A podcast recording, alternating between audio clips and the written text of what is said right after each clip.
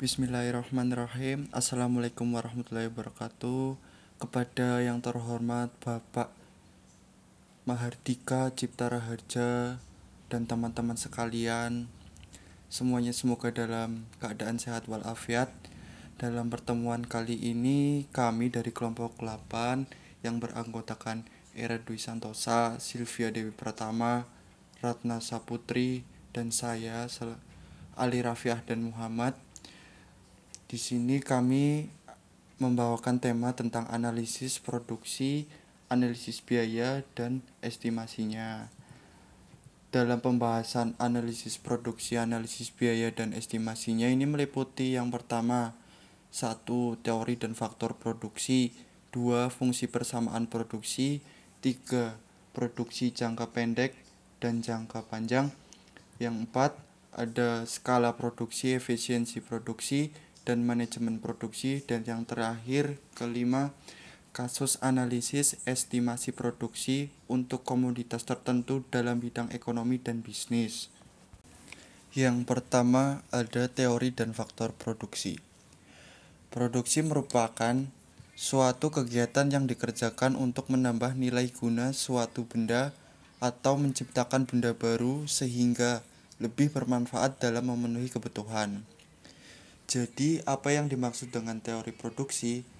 Teori pro produksi adalah teori yang menjelaskan hubungan antar tingkat produksi dengan jumlah faktor-faktor produksi dan hasil penjualan outputnya.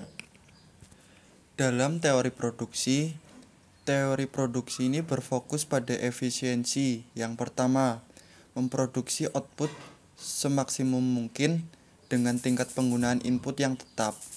Yang kedua, memproduksi output pada tingkat tertentu dengan biaya produksi yang seminimum mungkin. Lalu, apa sih itu komponen input?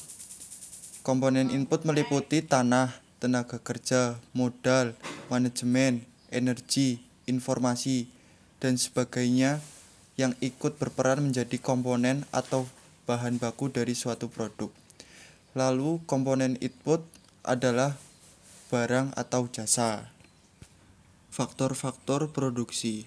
Faktor-faktor produksi ini meliputi yang pertama, tanah atau land atau sumber daya alam atau dengan kata lain natural natural resource dan yang kedua ada tenaga kerja atau sumber daya manusia, yang ketiga ada modal dan yang keempat ada entrepreneurship atau keahlian keusahawan.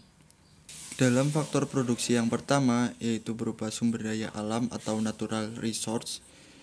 Faktor produksi ini merupakan semua yang tersedia di alam dan dapat dipakai dalam proses produksi. Contohnya apa? Seperti tanah, udara, air, sinar matahari, flora dan fauna, dan barang-barang tambang. Yang kedua ada tenaga kerja manusia.